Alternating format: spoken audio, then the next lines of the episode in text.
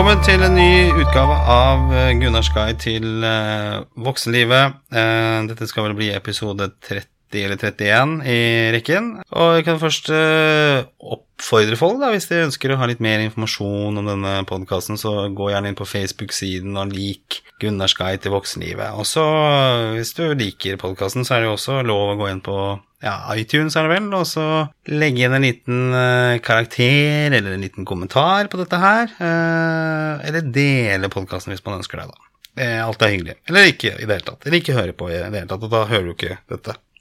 Som jeg nå sier. Um, skal vi se, vi skal uh, Ja, denne utgaven her, den uh, syns jeg blir litt spennende. I, med meg i studio her på eh, Mesh i Tordenskiolds gate 6, så har jeg Jeanette Carter. Velkommen, velkommen til deg. Takk, takk. Og for å presentere deg litt, da, så er du Du, du driver med utvikling av ledere Yep. og coach. Ja. Eh, og det er det jeg tenkte vi skulle snakke om eh, i dag. Derfor ble vi invitert. Eh, er jo rett og slett dette med ledere og utvikling av ledere. For uh, tidene har forandret seg ganske mye. Uh, vi er annerledes, uh, bedriften er annerledes, verden er annerledes, og det krever også litt nye type ledere. Og hva, hva tenker du i dag? Hva er liksom det viktigste med en, en god leder? Hva er, så- hva er en moderne leder i dag? Altså jeg tror eh, fra gammelt av, når man tenker vi har topplederne og så har vi mellomlederne, det var jo at de fleste ledere som er mellomledere, sin oppgave på fabrikkene, det var jo å få folk til å sørge for og se til at folk gjorde jobben sin, Ja. og korrigere hvis det var feil. Eh, Og folk jobbet jo da hele livet sitt på disse fabrikkene og fikk en eh, lønn, um, og det holdt. Ja. Der er vi ikke helt lenger. Nei, man var liksom lojale, men nå bytter man å jobbe oftere. Er, er dårlige ledere er det liksom en av grunnene til at folk bytter jobb? Uh, Ja, lederen er hovedgrunnen til at folk bytter jobb, Ja. fortsatt. Uh, Og det er globalt, et globalt fenomen. Uh -huh. Det er heller ikke bare i Norge, det er et globalt eh, fenomen. ja. Og da er jo spørsmålet, da, nå som vi kommer over Altså vi har jo utviklet oss såpass mye, bedriftene forandrer seg ganske mye. Og vi har fått internett. Bare tenk for ti år siden så hadde vi ikke mail på telefonen. Det har gått fort. Og hva er de neste store som kommer nå, som endrer ganske mye måten vi jobber på, og hvordan vi som ledere må følge opp. ja. Og da har du for så vidt en dårlig leder med deg hele tiden også, fordi at du er tilgjengelig på, på, på mobilen og mail også, så du kan få den eh, på kvelden og på morgenen og i helger osv. Ja, det kan man si. Ja. Men jeg tror jo um, det skiftet som skjer nå, det er veldig, veldig spennende. Um, og så er jo spørsmålet at vi må bli klar over det skiftet. Og så må vi begynne å gjøre noe med det. Fordi nå er det andre forventninger, både fra vi som er ledere, men også de som vi leder. Jeg tror min viktigste oppfordring til eh, ledere eller de som ønsker å være ledere, det er at man tar et bevisst valg på at man ønsker å være en leder. ja. Og det handler ikke om at nå skal jeg få et høyere ansvar som ikke andre har. Det handler om at du har ansvar for mennesker som har ansvar for sine jobber. Ja. Så du har ikke ansvar for jobben, du har ansvar for menneskene Ja. som skal gjøre jobben. Og da er jo spørsmålet i dag, da, det er jo hva er det som skal til for at folk eh, trives og lykkes og er engasjerte i jobben sin. For det er jo ikke noe særlig Det er ikke noe økonomisk lønnsomt for noen, egentlig, bortsett fra rekrutteringsselskapene, da, at man bytter jobb så ofte. For øh, du nevnte det før vi gikk på her, så er det liksom snitt så bytter man i ti jobber eh, i karrieren sin, kanskje mer. Ja, prognosene nå for eh, de som kommer inn i arbeidslivet nå, det er at eh, fremover så vil man eh, bytte jobb mellom 10 til 15 ganger i løpet av livet sitt. Så vi kommer jo til å jobbe lenger, eh, mange av oss, fordi vi føler at vi har noe å bidra med, og vi er engasjert i det vi holder på med. Um, Men det er jo også krevende for organisasjoner for å få kontinuitet Mm. og, og lykkes i, med, med oppdraget som, som organisasjon. Hvis det er hyppig turnover.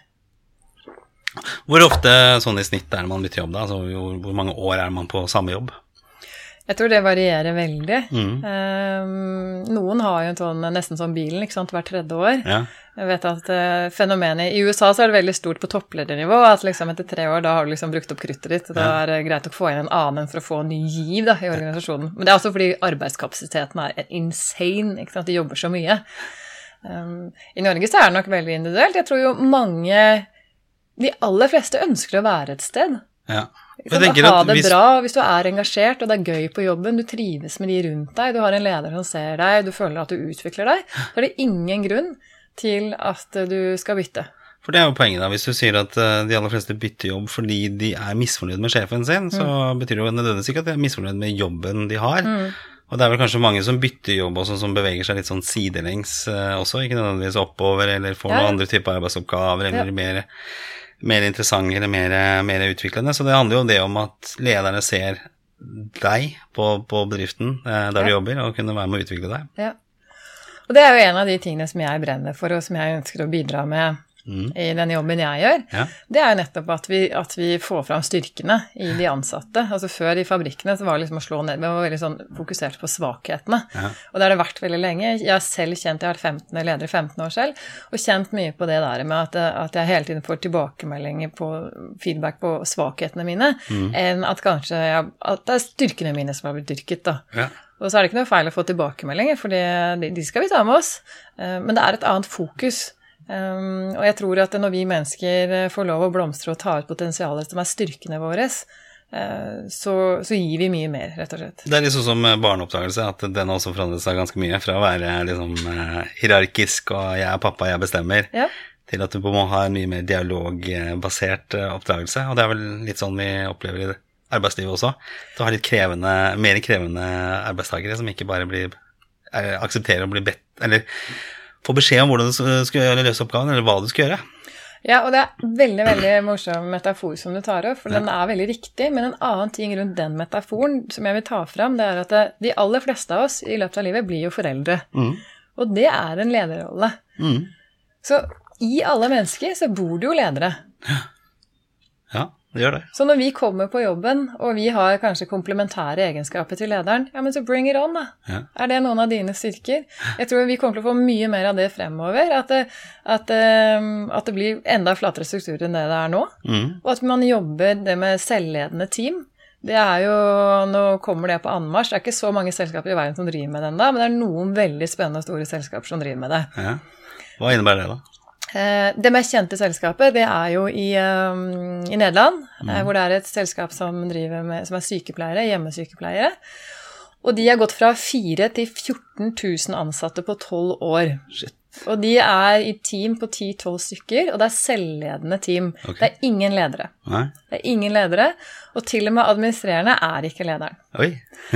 Så det er veldig interessant å høre på hvordan de tar beslutninger. Men de tar beslutninger sammen, og det går jo mye raskere enn hvis man driver en bedrift sant, hvor alt skal inn til konsern eller oppover hele tiden. Det tar jo votter og vinter før du får svar.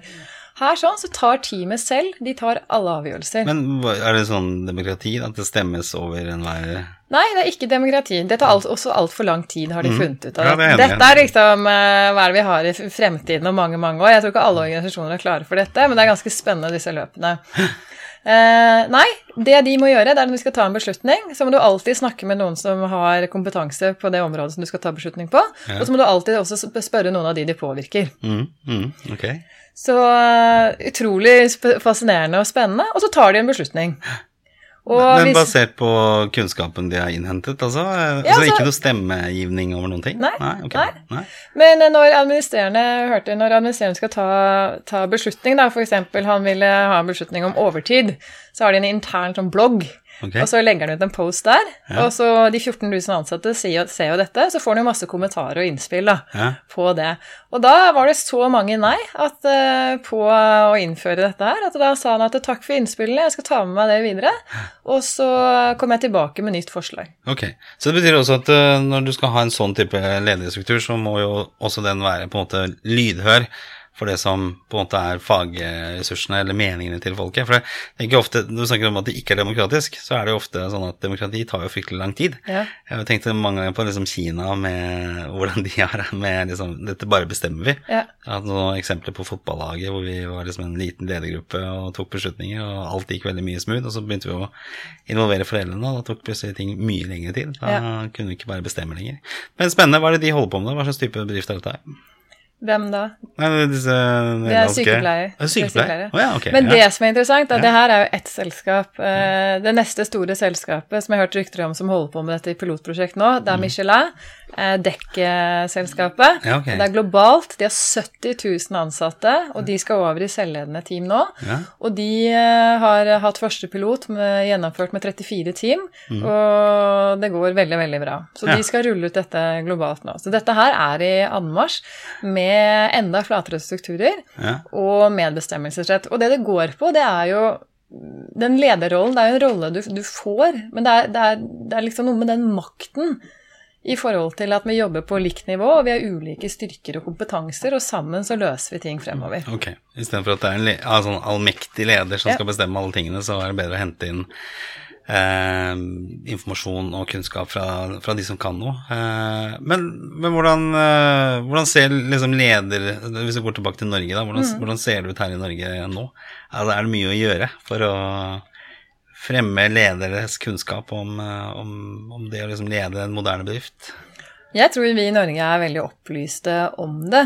Um, Jeg tror vi har kommet langt. Jeg tror eh, mange kjenner på det at, eh, at det som har funka veldig bra tidligere, det er ikke helt sånn mm, Kanskje måten å gjøre det ting på fremover. Det er noe med denne agile tilnærmingen som vi har begynt å jobbe som prosessorientert. Så, så arbeidsmåten vår er blitt mer agile, men ledermåten vår er kanskje ikke helt agile. Så Hva, jeg hvis du sier agile, hva betyr det? Du, Nei, det er, som fleksi skjønner. det er kanskje mer fleksibilitet, da. Ja, okay. å, å tilpasse seg. Og så er det noe med hyppighet. Mm. eh, Å jobbe mer prosjektbasert enn i en femårsplan, ikke sant, strategi. Ja.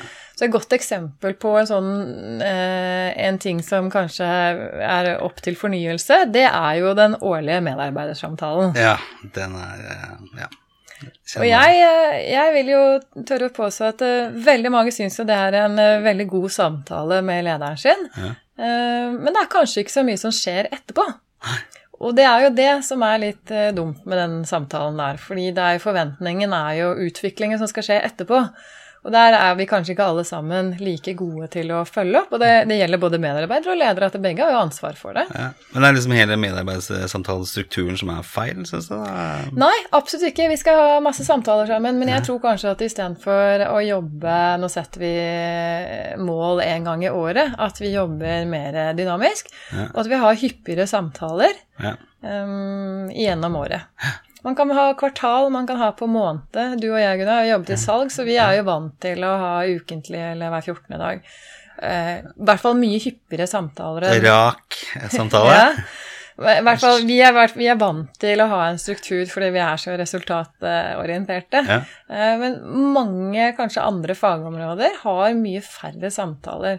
Og det syns jeg er så synd, fordi det, da får du ikke ut potensialet i medarbeiderne. Nei. Det er jo det som er jobben vår som ledere. At vi hele tiden skal eh, finne gull i organisasjonen og få fram mer av det. da. Men det er type altså, gode, åpne spørsmål, finne ut si, hva er det egentlig eh, medarbeideren tenker på, da. Ja. Eh, Snakke om litt om ha den lille stillheten som kanskje inviterer de til å si de tingene som eh, ikke bare er det der skjemaet som du skal gå gjennom. Eh, som er viktig. Eh, jeg skal jo selv over i en lederrolle nå snart. Jeg startet et eh, selskap i Norge. Eh, det blir veldig spennende å, å finne liksom hva skal jeg si for noe, finne tonen som leder. For det, jeg syns alltid den har vært veldig vanskelig. Eh, både være den kompislederen, den derre Jeg har jo kommet fra sånn type Kanskje jobbet på linje, og så har jeg blitt leder for de samme folka som jeg har vært eh, jeg si, på samme linje med, eller kommet inn og bare tatt imot de som var der fra før av, osv. Mm. Og har jeg da muligheten til å ansette folk og liksom bygge min egen struktur, da. Men, eh, men, men det er jo en Jeg syns det det er utfordrende, og det har vært lettere, tenker jeg sånn som før, å vært den der eh, hierarkiske lederen som bare Absolutt. det, gjør det som jeg vil. Og det er det jeg ønsker å bringe frem, da, og det er jo så fint at vi får snakke om det her i dag. Jeg håper mange hører på. Det er jo denne overgangen fra å være the boss Ja. til å bli the coach. Ja. For det er jo denne overgangen det, det handler om. Eh, å være en, i mye større grad en tilrettelegger for, eh, for mennesker enn å være en eh, ordresersjant. ja, men jeg tenker det handler vel litt om oss som medarbeidere også, at vi, vi bør også utfordre lederne våre hvis vi føler at det er ting som ikke helt fungerer. Altså, altså Hvis man slutter pga. en dårlig leder, Eh, så er det ikke kanskje alltid at man på en måte har adressert dette til lederen selv heller. At det blir et sånt murring som egentlig ingen snakker om. Og det er det sikkert en del av. Jeg har i hvert fall en del eh, som jeg jobber med, som har et og annet å si. Men som et ekteskap også, så handler denne relasjonen om, om eh, to stykker. Ja. Det er to som skal til for å danse tango, også mellom leder og medarbeider.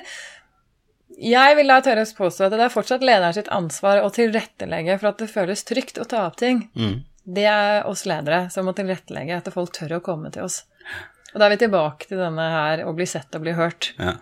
Eh, og da mener jeg jo at når, når medarbeiderne føler seg hørt, eh, da får du jo også ikke bare at vi bare hører på, så skjer det ikke noe etterpå. Nei. Det er jo handlingen vår etterpå som viser hvordan vi ledere er egentlig. Eh, så hvis, de, hvis vi har medarbeidere som gir oss eh, gode innspill, ja, tar vi de på alvor og gjør noe med det. Ja.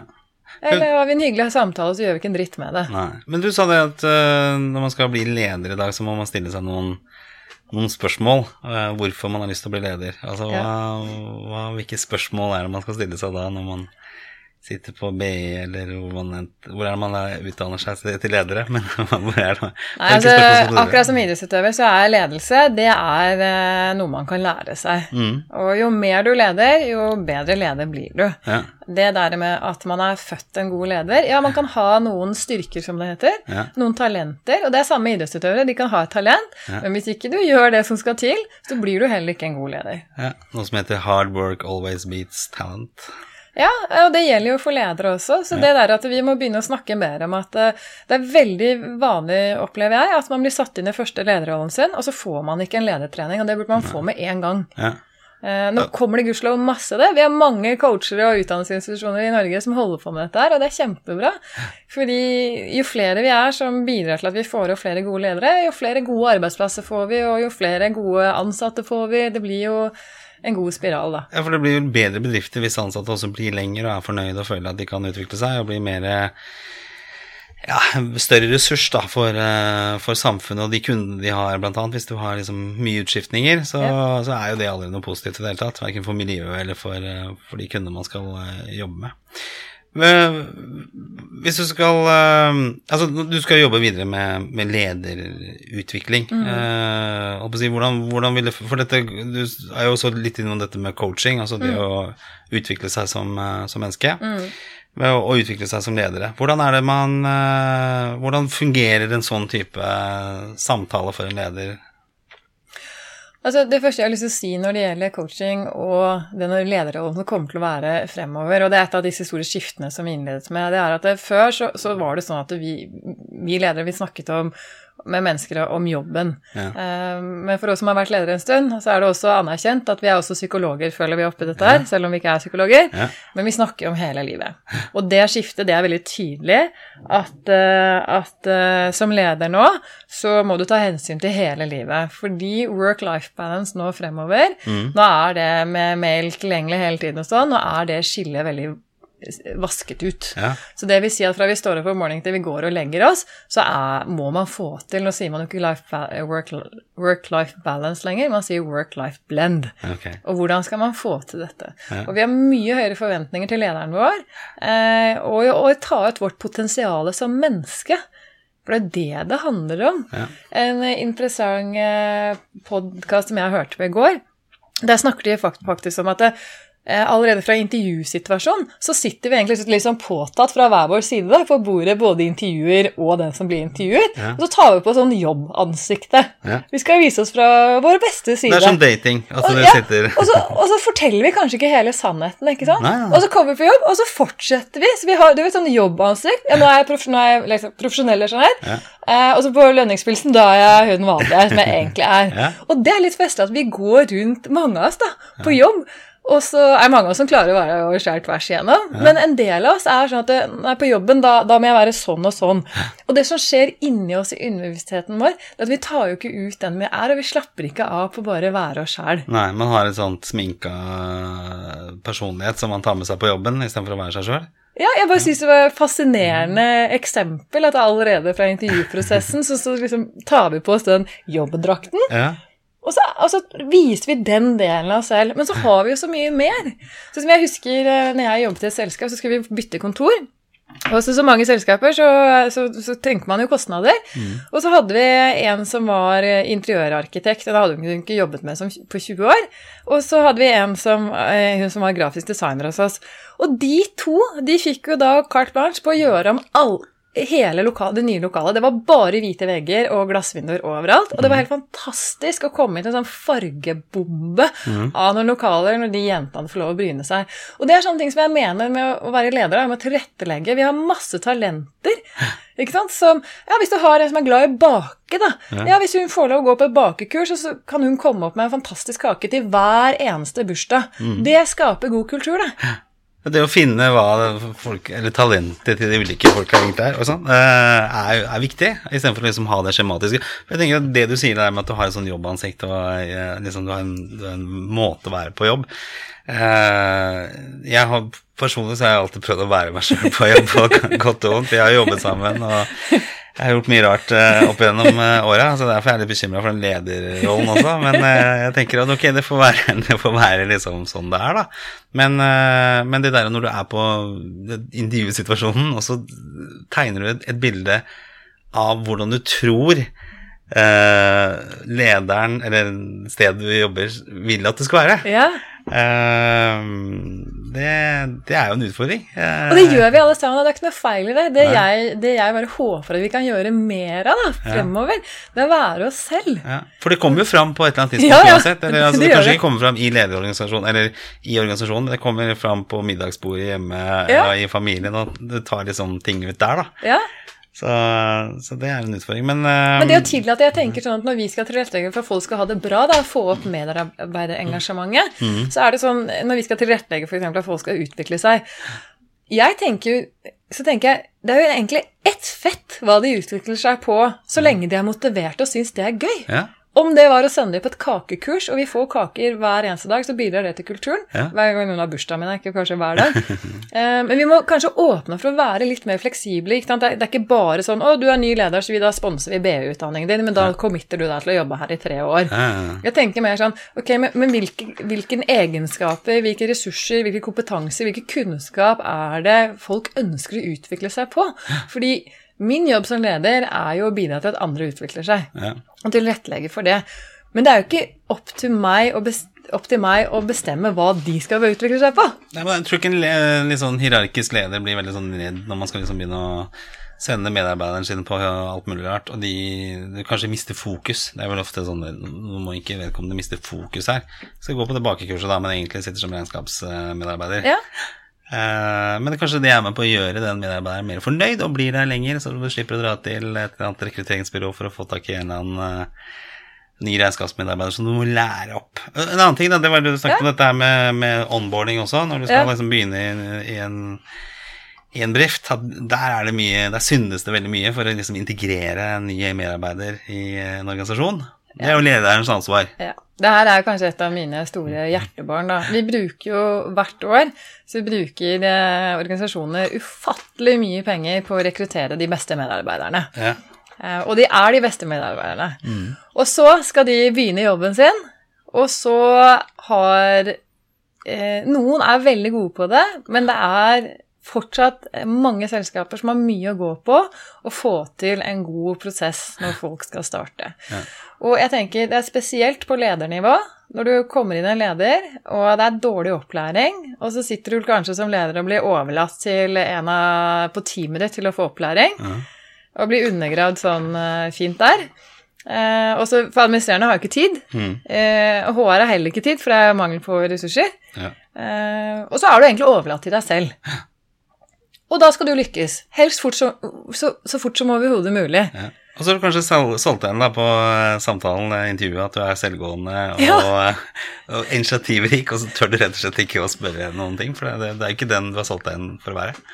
Nei, og det, og det tenker jeg at den kan vi også flagge. Ja. Ikke sant? Det er flagga medarbeidersamtalen at det, kanskje vi skal ha kontinuerlig, oftere og kontinuerlig samtaler eh, som er mer prosessorientert. At det er ikke ett mål at du skal bli ferdig nå. Det med utvikling, det er kontinuerlig, det varer evig. Ja. Og så er det det samme med onboarding-prosessen, å bli flinkere til å tilrettelegge igjen. da, tilrettelegge For at vi får medarbeiderne raskere opp og står.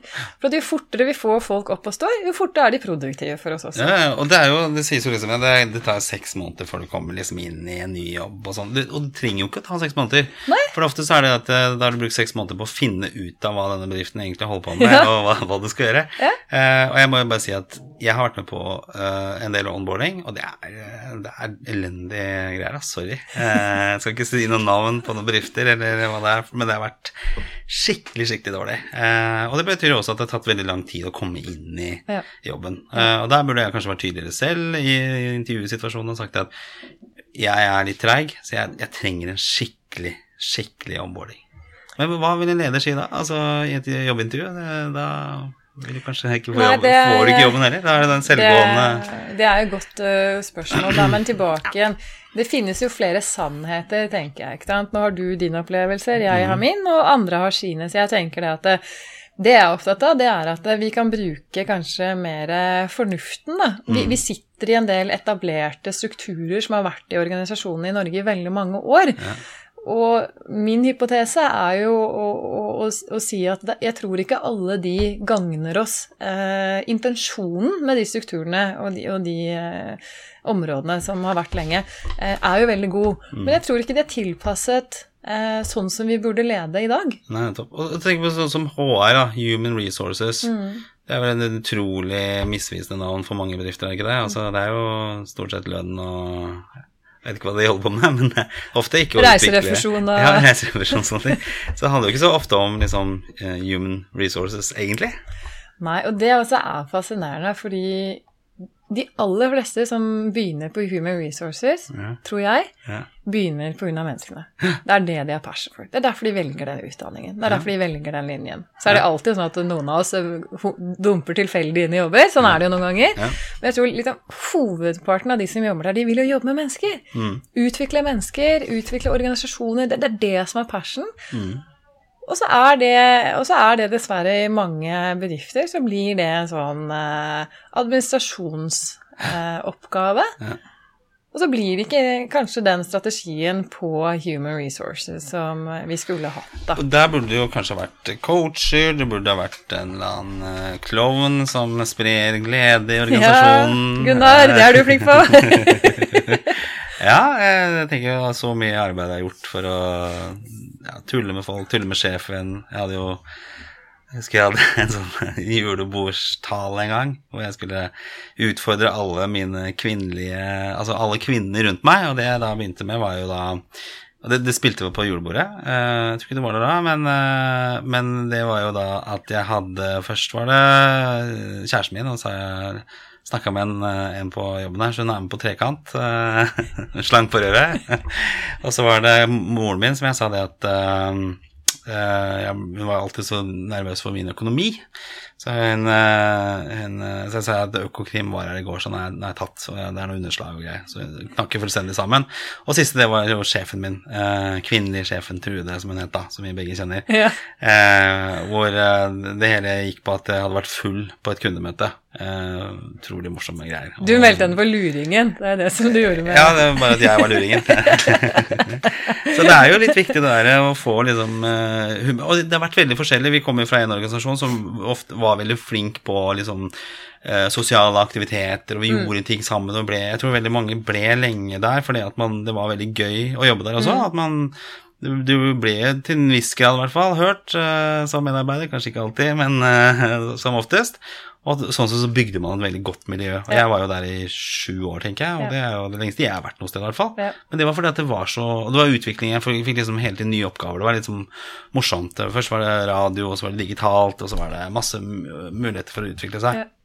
Det gjorde også at man Eh, ble lenger. Men det er også andre jobber som, eh, som, er kanskje mer nærværende, hvor jeg vet at dette kommer til å bli akkurat det samme eh, fremover. Mm. Og det er heller ingen som på en måte tar initiativet til at denne, disse, dette skal være mer utviklende. Så jeg tenker at det, det, du sier her, med å utvikle arbeiderne, og være en leder som, som forstår det, at det blir utrolig viktig framover. For folk er litt mer kritiske, og har kanskje litt sånn høyere krav også til dette med egenutvikling. Ja, altså tilbake til, Jeg tror vi skal være oppmerksom på at vi er i et skifte fra mm. det hierarkiske til den flatere strukturen. Ja. Eh, til helt eh, selvledende team, som jeg har liksom eh, fortalt litt om i dag. Ja. Og at det, det, krever andre lederferdigheter. Og mm. vi alle har, altså Alle mennesker er født med alle ressurser. Ja, Spørsmålet er liksom i hvilken grad vi utvikler de og, og ønsker å utvikle de. Og hvordan vi bruker de i, sammen, i samhandling med, med andre. Det blir spennende. Eh, Jeanette Carter, utrolig Du er ikke slekt med Jimmy Carter, eh, gamle presidenten, for de som har sittet og lurt på det. eh, veldig spennende tider. Jeg vet at det foregår en del eh, spennende prosjekter også i kulissene her, så vi, vi kommer helt sikkert til å snakkes eh, mer framover. Mm. Eh, og dette med gode ledere, det er et et, et, gode for eh, bedrifter, som igjen blir gode for samfunnet. ikke sant? Eh, alle har vel hatt en eller annen livspartner der ute som har sittet og klagd på en eller annen dårlig sjef eh, opp gjennom åra. Man har sikkert gjort det sjøl også, eller jeg har gjort det sjøl også. Så det kan være en utfordring i seg selv, så det er viktig å, ha, viktig å sette fokus på det. Mm. Masse, masse lykke til videre. Tusen takk for at du kom. Eh, spennende tema. Ledere, våkne opp, eh, eller utvikle dere, og så får vi en bedre verden der ute. Halleluja. Tusen takk.